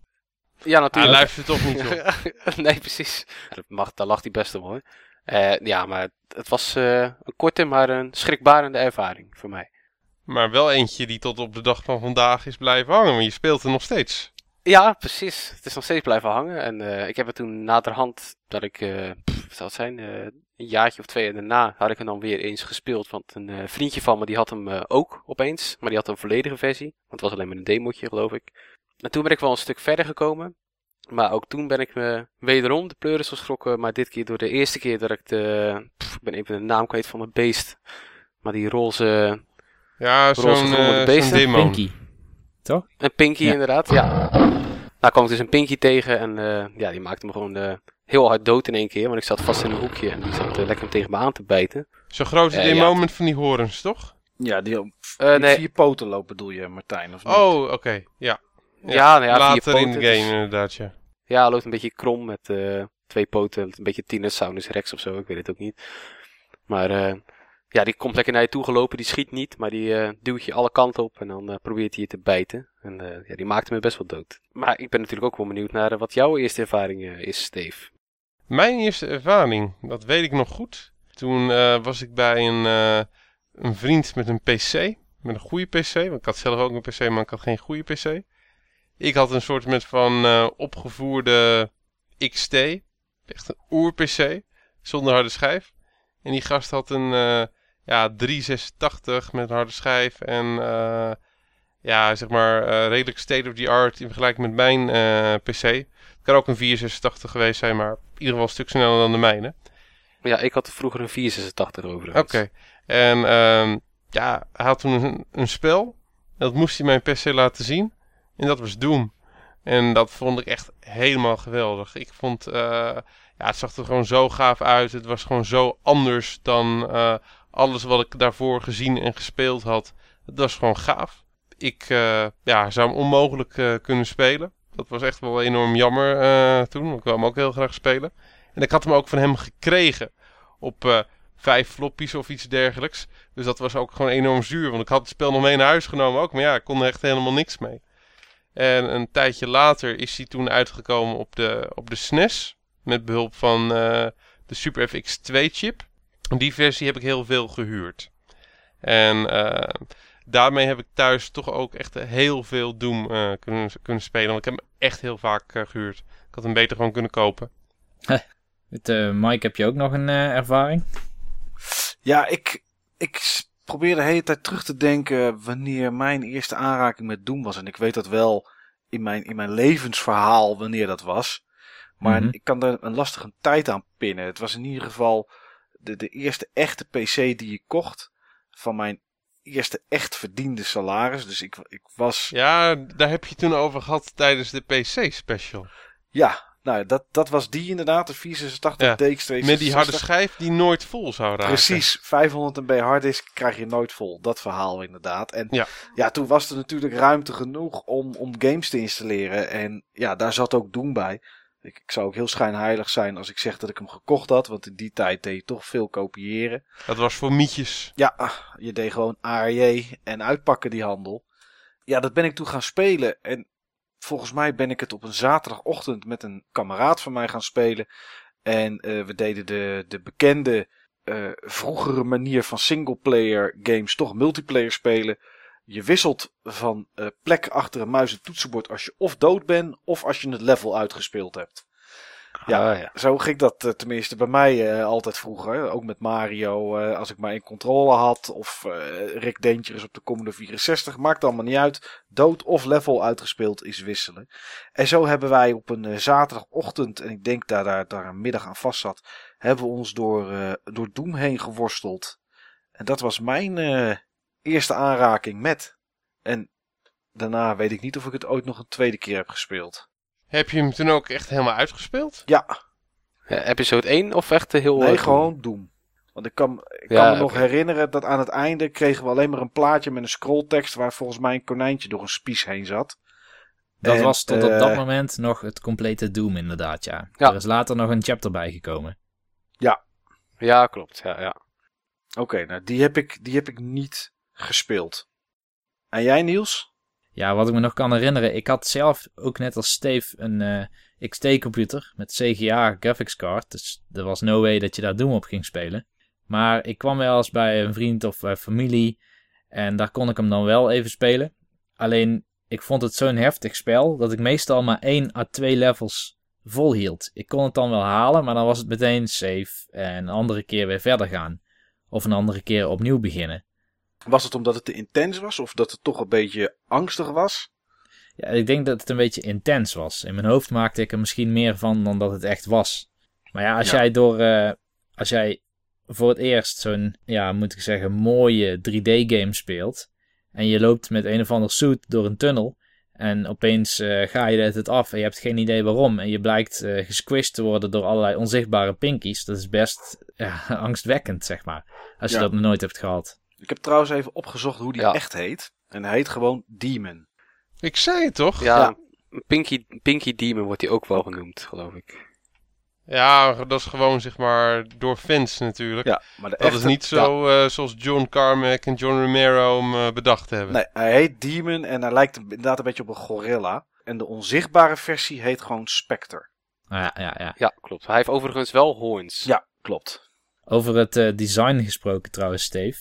Ja. Het kwam eigenlijk, geloof ik, grotendeels van Tom Hall. Maar de Doom Bible, heb je die ooit gezien? Nee. Ah, want het had echt een extreem brede visie, het spel.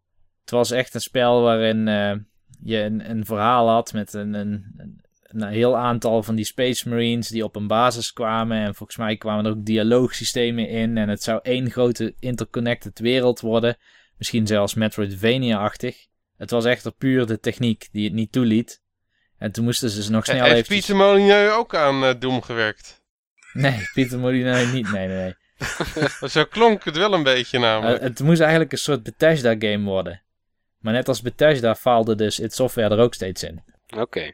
Nou, dat heeft in ieder geval behoorlijk wat, eh, wat bugs gescheeld. Ja, Want eh, volgens mij was Bethesda in die, in die tijd vooral goed in het maken van bugs. Nog steeds, trouwens. Nog steeds, maar eh, Ja, toen waren ze echt eh, master, eh, eh, master of it. ja. Yo, Daggerfall, die, volgens mij duurde het een half jaar voordat die speelbaar was. Nadat die uit was gekomen. Maar dat gaat het nu niet over. Het gaat niet over Daggerfall, het gaat over Doom. Ja, we hebben dus Doom allemaal gespeeld afgelopen tijd. Ja. Op andere systemen. Op verschillende systemen, ja. Ja, dat hadden we afgesproken. Ja, het is ook gelukt bij mij. Want, om eventjes te recappen. ehm, Martijn en ik hebben samen de PC-versie co-op gespeeld. Dus vier chapters op eh, Ultra Violence Difficulty. Ja. Dat hebben we gewoon online gedaan met een tool die Skulltag heet. Werkt heel goed, ook onder Ja, Windows die 8. werkt echt heel goed, ja. Ja, Gelukkig wel. Steve, je hebt volgens mij de SNES-versie gespeeld. Ik heb eh, de SNES-versie eh, gespeeld om mijn oude Doom-ervaring van thuis te kunnen recreëren. Oké, daar hebben we het dan zo ook over. Ja. Michael, je hebt de PlayStation-versie gespeeld. Klopt. Oké.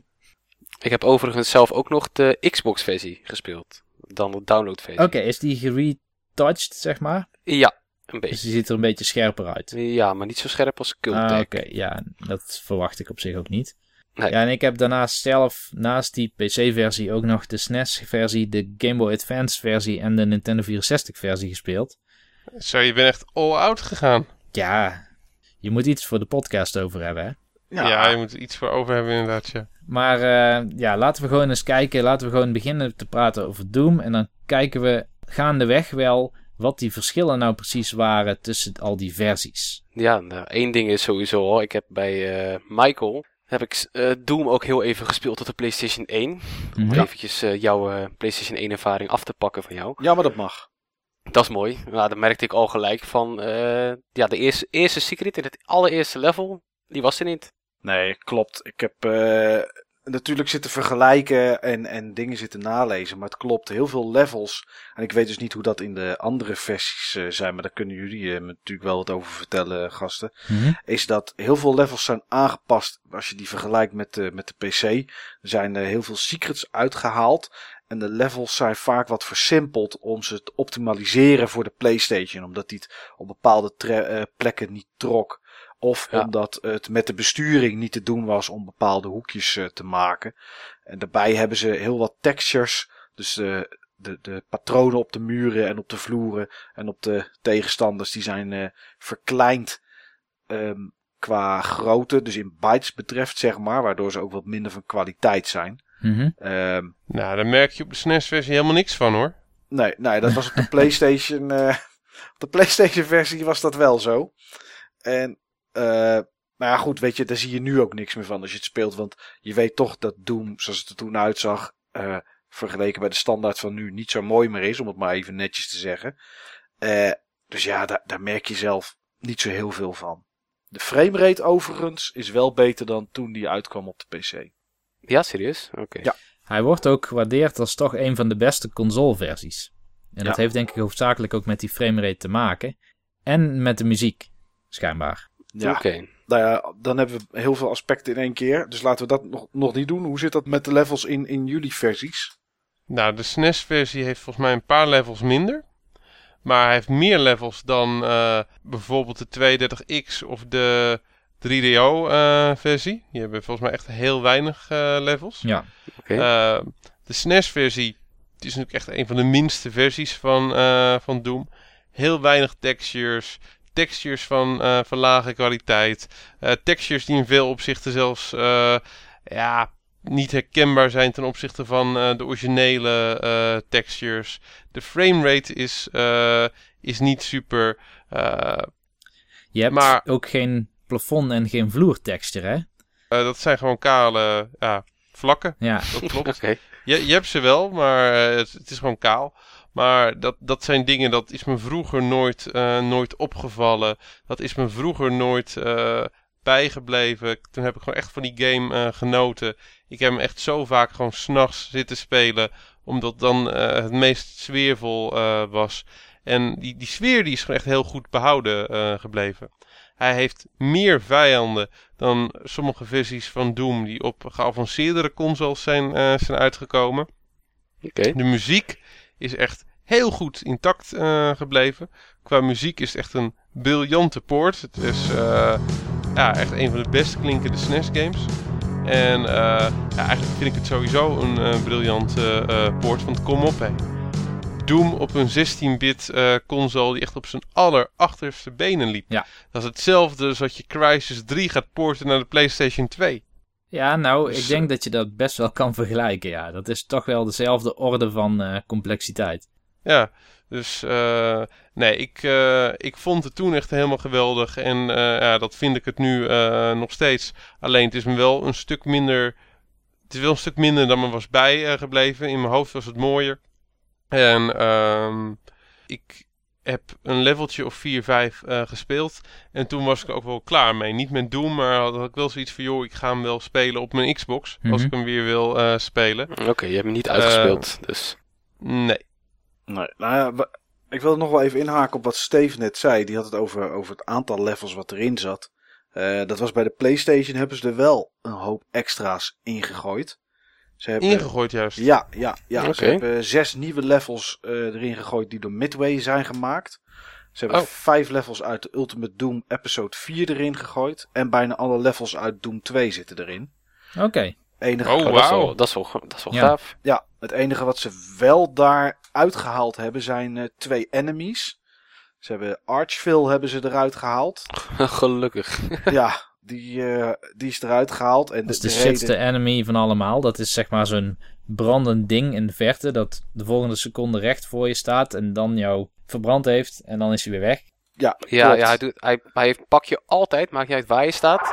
Hij steekt je in de fik. En als je niet snel genoeg bent of je ziet hem in zijn handen klappen, zeg maar dat is zijn aanval. En je staat in de fik, dan krijg je geloof ik 90 damage of zo. En dat, eh, dat wil je liever niet, dus je moet gewoon gelijk weg als Ja. je hem ziet. Nee, die hebben ze eruit gehaald omdat die in tegenstelling tot alle andere eh, tegenstanders twee keer zoveel frames gebruikte in zijn animaties. Hmm. En ja, die moesten teruggebracht worden omdat de PlayStation dat niet aankon. En dat zou eh, het karakter geen recht hebben, geen recht hebben gedaan. Dus die, eh, die hebben ze eruit gehaald. Eh, de Icon of Sin, oftewel de eindbaas van Doom 2, die is eruit gehaald. Waarom dat precies gedaan is, weet ik niet. Eh, eigenlijk, een, eigenlijk een eindbaas las ik die normaal geen naam heeft. Maar die hebben ze later maar Icon of Sin genoemd. Ik durf alleen niet te zeggen wat ze ervoor in de plaats hebben gezet. Ehm, ze hebben wel een nieuwe tegenstander erin gegooid. Dat was de Nightmare Spectre. Dat, eh, dat, hebben ze dan, eh, dat hebben ze wel gedaan.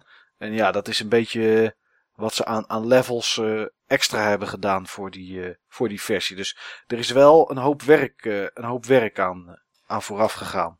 Dat is wel tof. Ik had hem trouwens dit weekend nog voor 5 euro kunnen kopen. Op de, op de beurs in, in Wetteren voor de PlayStation. Ja, Maar toen had ik zoiets van, joh, ja, die, kap, die pik ik straks wel op. Nog eventjes een eurotje ervan afpraten. En toen ik een uurtje later terugkwam, toen lag elk PlayStation spel lag er nog. Behalve die. nou ja, Dat was trouwens wel de, eh, de eh, Platinum versie. Ja, nou goed. Het, ik, snap, ik snap het wel, want als je even went aan, aan de besturing. Kijk, ik speel first-person games alleen maar op PC. Dus ik ben gewend aan muis en toetsenbord. En op een console vind ik het gewoon niet zo fijn werken. Eh, dan is het wel even wennen. Gelukkig heb je wel een soort auto-aim. Of er nou iemand boven staat, beneden. eh, maakt niet zoveel uit. Als die maar een beetje in de gezichtslijn ligt van je wapen en je schiet. Nou, dan is het raak. Dus dat is... Maar je kon toch ook helemaal niet omhoog en omlaag richten? Nee, dat kan Nee. sowieso niet. Nee, maar goed, dat ben je nu wel gewend, zeg maar. Ja. En dat is, dat, ja, dat vertaalt zich toch naar, hè, dat, dat dat daar dan niet kan. Maar eh, het is voor 5 euro had je er een leuke koop aan gehad. Het is een leuke game, toch wel om te spelen. Op, eh, het is goed speelbaar, laat ik het zo zeggen. Ik vind hem nog wel een keer. Vast Ja. en zeker. Goede besturing inderdaad, de PlayStation. Steve, ja, ik was nog benieuwd naar jouw mening voor de besturing op de SNES. Want ik heb die laatst ook gespeeld. En ik vond het heel lastig om te spelen. Met een soort vertraging. Toen vond ik het gewoon echt heel goed eh, spelen. Ik vond dat streven op eh LNR, dat vond ik gewoon echt heel goed eh, werken. Ja, dat wel. En ik, op een gegeven moment had ik ook een fatsoenlijke PC. Toen had ik een Pentium, dus kon ik hem spelen zoals die bedoeld was. Alleen, ja, toen kon ik juist weer niet wennen aan de controls. En ik had ook geen gamepad met zes buttons. Ik had alleen een gamepad met vier buttons. Dus die kon ik ook niet eh, op de juiste manier mappen zoals ik op de SNES eh, gewend eh, was. Maar er zit inderdaad wel iets van controller lag in, van input lag. Ehm, ik ben zo ook wel echt een paar keer dood gegaan, wat naar mijn gevoel gewoon echt niet nodig was. Nee, het lijkt wel, als je bijvoorbeeld de schietknop indrukt, dat hij pas schiet op het moment dat je het loslaat. Dat soort timing. Ja, maar ik, dit zal niet eh, echt op dat loslaten zitten. Het zal echt gewoon puur, eh, ja, gewoon input lag. Ja. Dat apparaat was gewoon eigenlijk niet geschikt voor deze game, punt. Nee. Maar hij kon het wel aan, dat is ook knap. Het is Ja. best een mooie versie natuurlijk. Ik heb de Game Boy Advance versie gespeeld. En ik dacht eerst dat Ja. het een poort van de SNES versie was. Omdat die targets misschien wat eh, gevoelsmatig dicht bij elkaar liggen. Ja. Maar dat is het niet. Ik weet niet waar vandaan het precies gepoord is. Maar de Game Boy Advance versie die speelt eigenlijk verbazingwekkend goed nog. En bepaalde dingen doet het ook beter. Bijvoorbeeld die textures zijn hoge resolutie en je hebt wel een vloer en wel een plafond. Het verschil tussen de Game Boy Advance en de SNES versie is wel dat de Game Boy Advance versie is, heeft geen diepte shading. Dus hoe ver je ook kijkt, het is allemaal even licht. En juist het atmosferische van de SNES versie en de andere Ja, versies klopt. is dat ja, je een soort van, eh, van, van diepte belichtingseffect hebt. Dus het, ja, de, de- als je ver weg eh, kijkt, daar is het nog donker. Ja, dat is wel. Maar was het wel goed te spelen voor de rest? Ja, De Game dat Boy. Advance. Ja, het is zeker best wel goed te spelen. Want ik ben op de Game Boy Advance gekomen tot halverwege episode 3 op normal. En dat was nog voordat ik met, eh, met Martijn samen de PC-versie ging spelen in co-op. Oké. Dus wat dat betreft, eh, ja, ik heb er dus best wel goed doorheen kunnen gaan zitten. Ja, Maar GBA die heeft ook echt betere scaling dan een, eh, dan een SNES. Ja, en de CPU is ook veel sneller dan die van de SNES. Het helpt ook wel. ja. Ja, die, die twee dingen, dat heeft echt voor gezorgd tot, eh, ja, dat hij echt wel eh, goed, eh, goed kan draaien. En ik snap ook wel dat je er redelijk makkelijk doorheen eh, kon. Want het hij heeft namelijk dezelfde maps als de Jaguar. En eh, daar zijn ook area's uitgehaald en dat soort dingen allemaal. Ja, het, inderdaad. heeft, het heeft zelfs dezelfde bugs als die op de Jaguar. Dus misschien dat de poort daar vandaan komt. Dat zou best eens kunnen, ja. Ja, ook viel me bijvoorbeeld op dat transparante objecten zijn vaak gewoon weggehaald. En is er een muurtje voor in de plaats gezet. Ja, Want transparantie, dat is allemaal overdraw. Dat is veel te zwaar om te renderen voor sommige systemen. Volgens mij is dat op de SNES ook. Als er ergens een hek zou moeten staan, dan is het nu iets anders geworden. Oh ja, absoluut. Ik heb nog nooit een hek gezien. Oké. Wat ook grappig is trouwens op de SNES. En dat, de Game Boy Advance bijvoorbeeld heeft gewoon alle animatieframes voor zover ik weet van vijanden. Maar ik geloof dat je op de Super Nintendo nooit een vijand van de achterkant ziet. Dat ze alleen de voorkanten hebben gebruikt. Weet ik niet meer. Volgens mij hebben ze dat wel op de Super Nintendo. Oké. Dat zit in ieder geval niet op de 32X versie. oké. Ik weet het eigenlijk niet. Ik zou het echt niet weten. Ik kan me het zo snel niet herinneren eigenlijk, als ik het eh, nu eh, bedenk. Jij valt iedereen gewoon altijd van voren aan, Steve, denk ik. ja, gewoon head-on, hopsakee. Ja, ja, dat eh, is ook gewoon mijn manier, joh. Ja. Dapper. En hoe was dat dan? Die- Want jullie, eh, Martijn en, en, en Niels, jullie hebben Doom op de PC gespeeld. Ja, Ja. Welke versie was dat precies dan? En wat voor... Kom je daar ook dit soort dingetjes in tegen, bedoel ik? Nou, het was eh, de volledige versie in principe. Je moet gewoon zelf je Doom wat, punt wat moet je dan eh, downloaden. En dan via Skulltag, wat we in dit geval hebben gebruikt, dat is eigenlijk eh, alleen maar om co-op te kunnen spelen. Ja. En die improved wel een beetje de graphics bij sommige stukjes. Bijvoorbeeld als je een enemy doodschiet, normaal gesproken komt er dan bijvoorbeeld bij de Human Sergeant, gaat de shotgun zie je in één keer liggen. En bij, door Skulltag eh vliegt hij dan een stukje omhoog. En dat ziet er dan net wat mooier uit. Eh, hetzelfde geldt voor als je een secret hebt gevonden. Dan staat er heel groot, a secret is revealed. Terwijl het normaal Zo gesproken- is die wel echt eh, state of the art geworden, hè? Ja, het ziet, er, het ziet er eigenlijk best wel goed uit. Gek genoeg. Eh, Ja. Sorry. ja, Ik moest even een stukje sarcasme erin ja, gooien. dat dacht ik al. Maar welke versie van Doom hebben jullie dan gespeeld? Want je hebt Doom en op een gegeven moment kreeg je de Ultimate Doom en je kreeg de Final Doom. Ja, nou, ik heb zelf eh, dan Doom, Doom 1 gespeeld. En dan episode 1, 2, 3 en 4. Die heb ik dan samen met Niels gedaan. Ja. Daarnaast heb ik eh, Evolution heb ik ook nog gespeeld. Eh, ik heb eh, Plutonium, Plutonia, Plu- ik weet het niet meer, maar die ben ik na één level gestopt, want die was veel te moeilijk. En wat, wat, wat, wat is dat? Dat zijn in principe add-ons voor. Doom 2. Voor Doom 2 is dat. En ja, het is niks meer dan andere maps en heel veel enemies. En, Officieel door ID Software uitgegeven of? Ja, dat wel. Oké. Ja, dat hebben ze toen bij de Final Doom pack hadden ze dat meegegeven. En ik heb eh, Doom 2 heb ik dus ook nog gespeeld. En dan ben ik tot eh, downtown levels gekomen. Dat is zeg een level 26 volgens mij. En dan ook weer op ultra violence. Maar eh, ja, dat word je Ja. toch wel een beetje zat op den duur. Zeker als je allemaal artsvels en eh argnotrons en hell knights allemaal om je heen hebt lopen. Dan word je niet zo blij van. Nee, Nee. Doom op Ultraviolence in co-op met Martijn, dat is iets om mee te maken. Want hij kent bijna alle secrets overal. Hij rent overal van hot naar her. Soms dan, ja, dan is hij alleen maar Ja. aan het kijken waar je blijft, als het ware. Dus je ren je gewoon met shift maar achter hem aan. Je gaat Ja, bijna nooit dood. Misschien als je gesquished wordt door een of ander plafond of zo dat naar beneden komt. Maar niet zozeer van vijanden, want dan heeft eh, Martijn ze al met een raketwerper bewerkt. Ja, en dan zoek ik weer een mooie secret voor je op. Dat je een, eh een soul sfeer krijgt. zeg Ja. Dat, eh, dat werkt altijd. Ja. Dat is zo 200 held, geloof ik. Ja. Die moeilijkheidsgraden trouwens, hè, zitten die in alle versies die jullie gespeeld hebben hetzelfde? Want op de PlayStation hebben ze Nightmare eruit gehaald. Die zit er niet in. Oh. En eh, I'm Too Young to Die, de, de makkelijkste eh, optie die in, in Doom zat, die hebben ze dan vertaald naar I Am a Wimp. En daar heb je eigenlijk maar drie moeilijkheidsgraden, maar Nightmare zat er niet in. ja, oké, dat wist ik niet. Ben ik elders niet tegengekomen. Oké. Nee. Maar Nightmare houdt in ieder geval in dat eh, het is net zo moeilijk als Ultraviolence. Alleen enemies respawnen. Na, Oké. na 20 seconden volgens mij. Dan zijn ze weer allemaal terug. En dan word je, ja, dat is, dat is erg moeilijk. Ja, Ik kom dan alleen door episode 1 heen op Nightmare. En daarnaast dan, eh, ja, dan lukt het niet meer. Dat gaat gewoon niet. Nee, nee ik, eh, ik heb het gewoon op Hurt Me Plenty gespeeld. Oké. Dat vond ik, eh, vond ik goed genoeg. ja zeg dat maar. is prima graad hoor. Misschien Ja. is Hurt Plenty in sommige opzichten nog wel iets moeilijker. Op sommige stukjes dan Ultraviolence. Omdat je niet de shotgun ammo krijgt.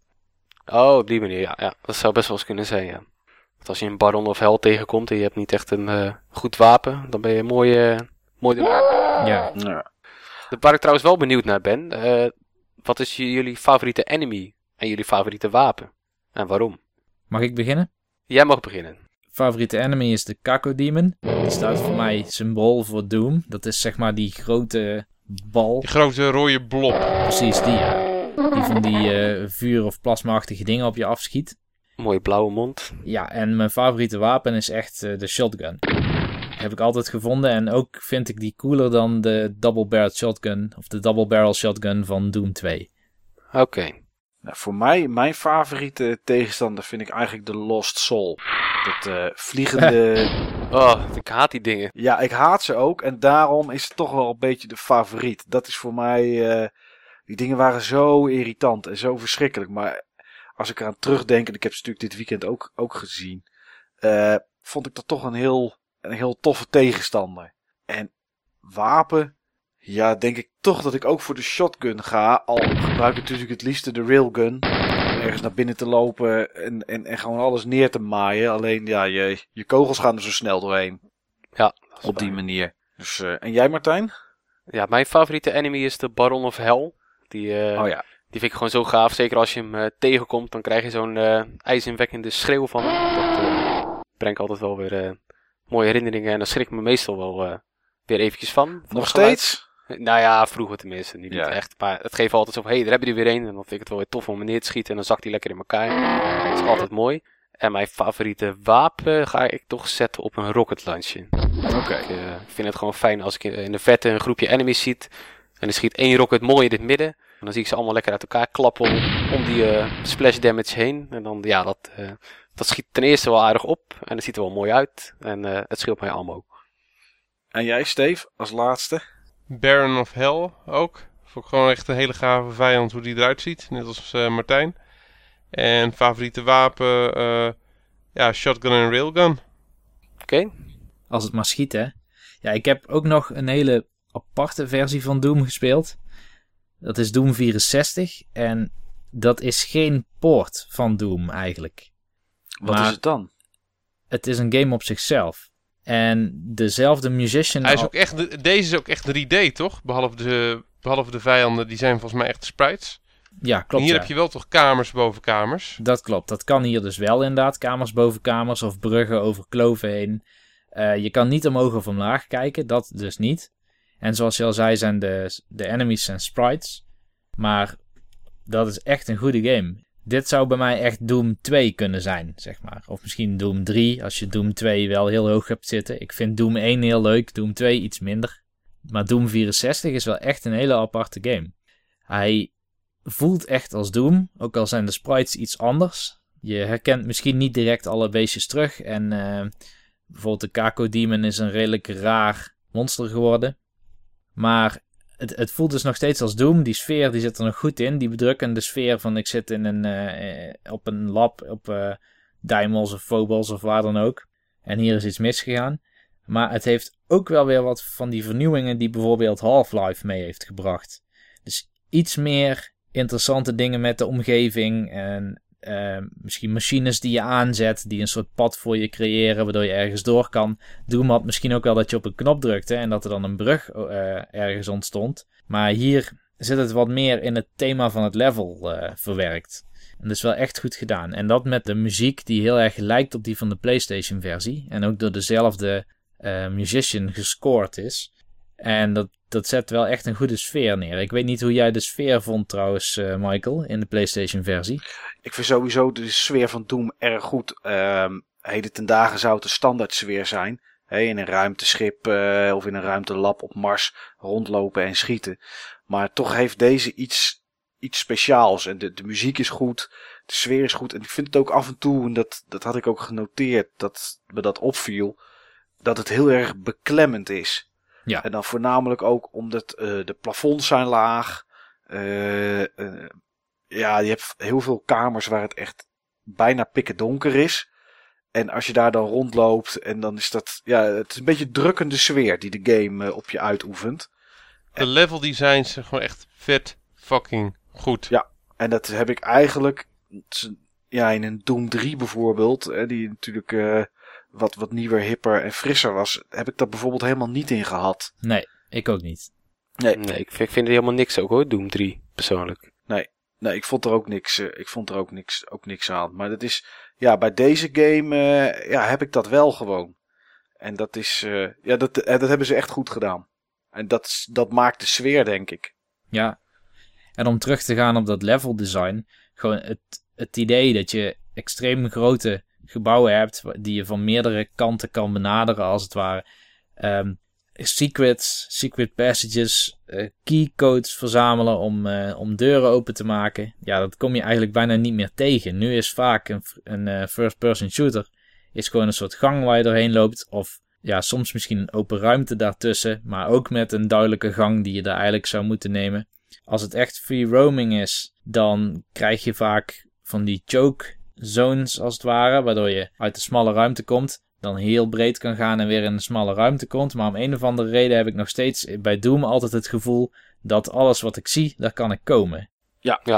Dat is ook zo. Nou ja, wat, en wat vooral opvalt, en dat heb je niet in, tenminste niet in het eerste level, maar zodra je in het tweede of het derde komt, is dat je vaak in een ruimte begint waar je en naar links en naar rechts kan. En je eigenlijk niet precies weet wat nou de juiste kant is.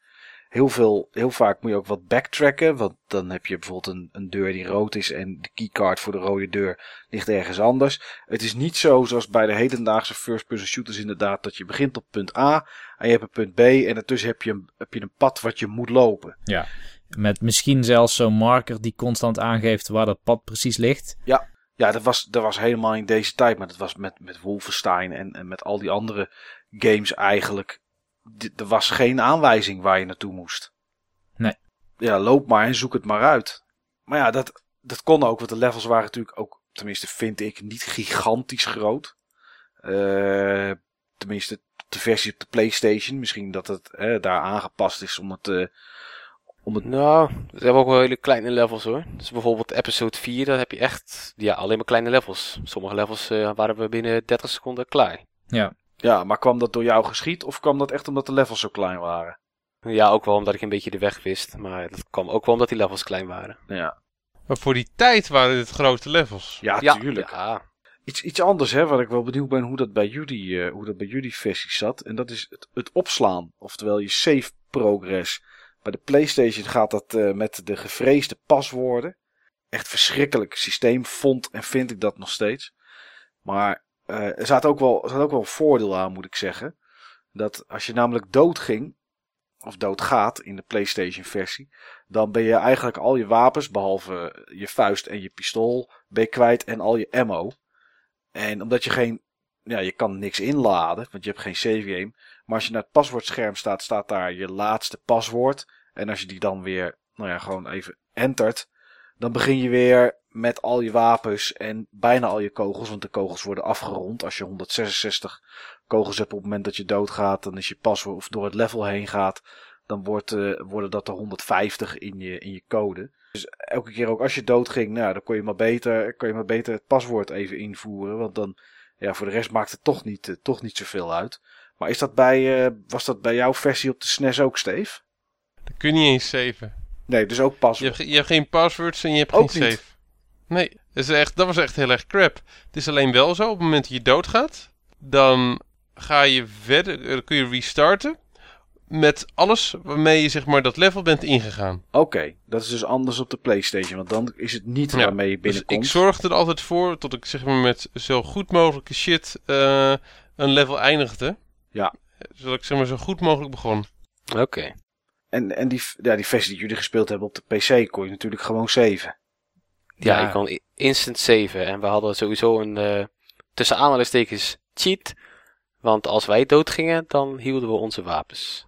Ah. Ja, maar dat, dat kwam dus weer door Skulltech, die mod die we dus had op de PC om, eh, om met elkaar online te kunnen spelen. En de GBA Advanced, eh, of de Game Boy Advance versie, Ja, daar kun je gewoon saven. Werkt prima. Save game, load game. Je geeft geen naam aan je save game, dus er staat gewoon level 15. Maar het werkt goed. En eh, Nintendo 64 heb ik wel een probleempje mee gehad. Daar had ik het ook met Martijn over. Daar had ik een aantal levels gespeeld. En dan savede ik en dan kon ik het niet meer laden.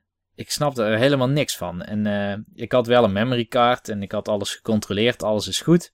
Maar er staat gewoon in jouw... eh, je moet eigenlijk naar het passwordscherm. En daar kun je load game doen. Lekker logisch ook, naar het passwordscherm, en daar kan je load game doen. Precies, dat, dat vond ik dus ook. Dus eh, voordat ik load game eens gevonden had, kun je nagaan. Ja. Maar in ieder geval, uiteindelijk heb je dan 15 save game slots. Dat is best wel veel.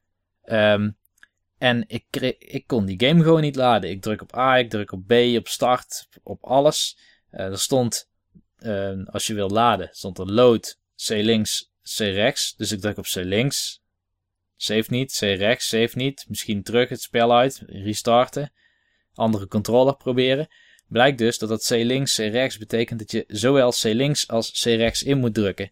Briljant. Ja, daar was ik echt niet op Goed gekomen. over nagedacht. Nou, tot je dat nou niet snapte, Joniels. Waarom hadden ze er niet gewoon een start van kunnen maken, denk ik? Ja, Stond dat niet in de handleiding? Eh, nou, die heb ik niet. Ik heb hem card only. Ah, oké. Ja. Want dat heb ik namelijk wel even gedaan. Want wat er namelijk wel uit de PlayStation is gehaald, al, al was het maar minuscuul aanwezig, eh, was het verhaal. Want ik was toch eigenlijk na al die tijd vergeten waarom ik eigenlijk op jacht ging naar die monsters. Hè, waarom, ik, waarom ik daar überhaupt was. Dus eh, daar heb het ik was toch meer dat ze op jacht waren naar jou, of? Nou, dat ook natuurlijk. Maar ik had, ik had Ja. gelezen in het boekje dat je, dat je daar naar Mars zeg maar een soort van verbannen was. Als een soort van straf. Een soort strafkamp.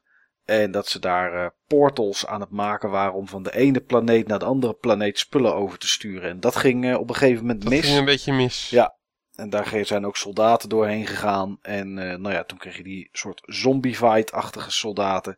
En dan was het dan jou om de rommel op te ruimen. Maar dat, dat kwam in de PlayStation versie, dus dat hebben ze er expres uitgehaald. Waarom weet ik niet. Misschien dat het niet meer op de disc past of zo. Maar eh, ja, dat zat.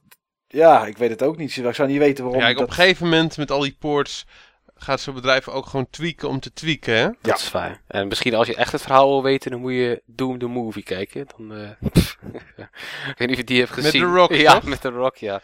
The Rock Jongen, says... Hele slechte film. De enige leuke scène, dat wil ik gewoon even tussendoor zeggen hoor.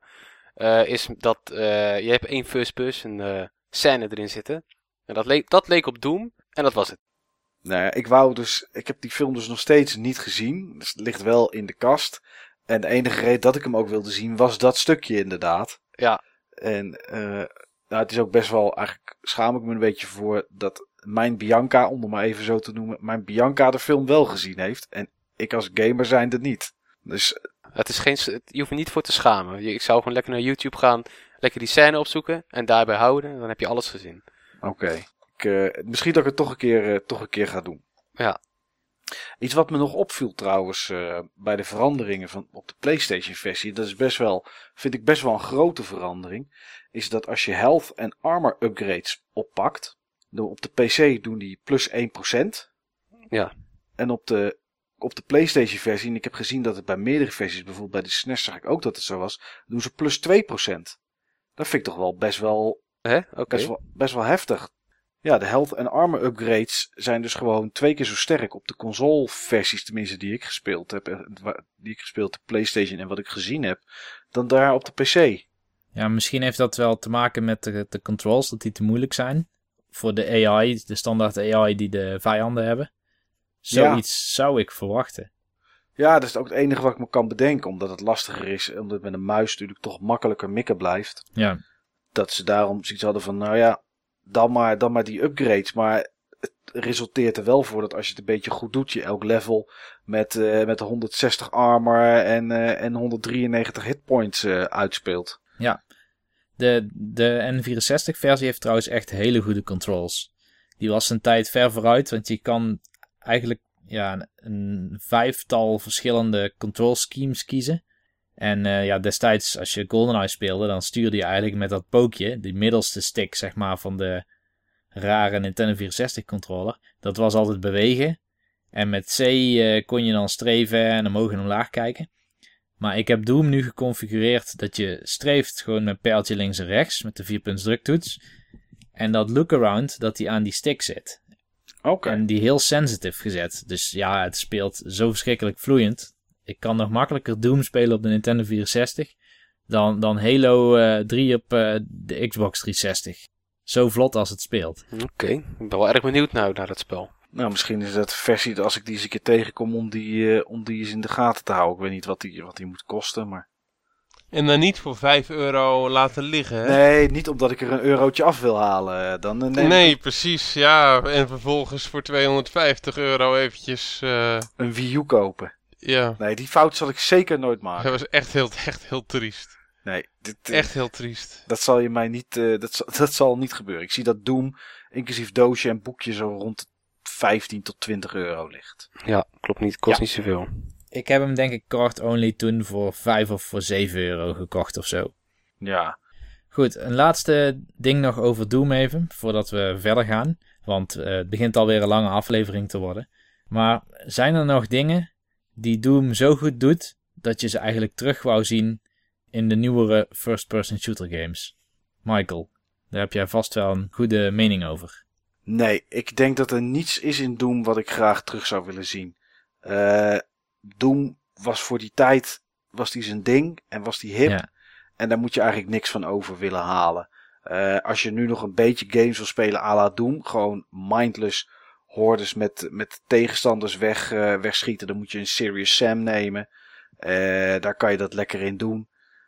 En voor de rest moet Doom vooral daar blijven. Dit- Er zat ook niet zo heel veel in. Hè? Ja, de, de secrets, is het enige wat misschien interessant is Mhm. om dat terug te brengen. Alleen is dat tegenwoordig natuurlijk vervangen door itempjes die je op moet pakken. Zodat je daar een mooie teller aan kan hangen voor achievements. Ehm, maar voor de rest, nee. Het, het is, wordt allemaal al gedaan. Je zou kunnen zeggen het benauwde of het, het beklemmende van Doom. Mhm. Zou, je, zou je terug kunnen halen misschien in hedendaagse games. Maar dat wordt ook wel gedaan. Eh, het wijde is er. Nee, ik denk dat eh Doom een mooie opstap is geweest voor eh, wat we tegenwoordig aan first-person shooters zien.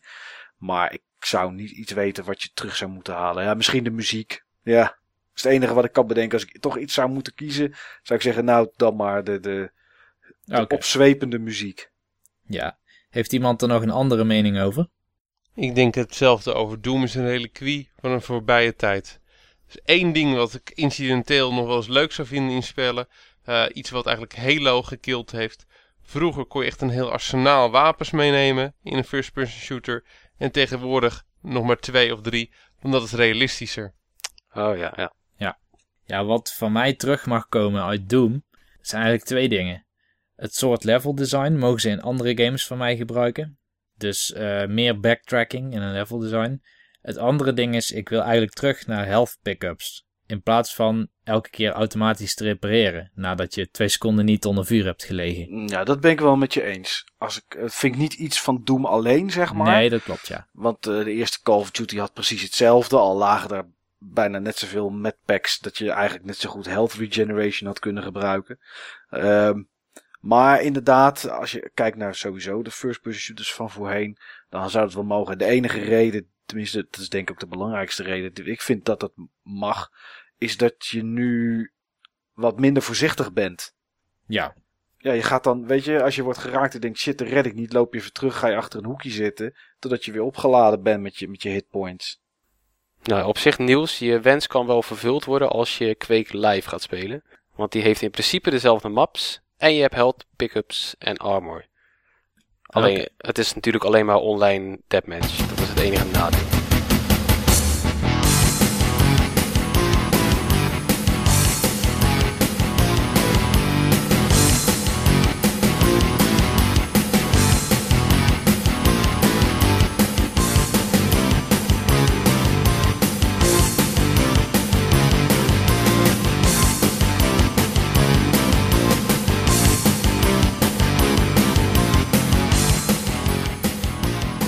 Dat was dan aflevering 21 alweer van Button Bashers. Een lange aflevering. Wat zeggen we ook altijd weer als we afsluiten? Dat het leuk was en gezellig. Oogjes Oh ja. dicht en snaveltjes toe. Slaap lekker.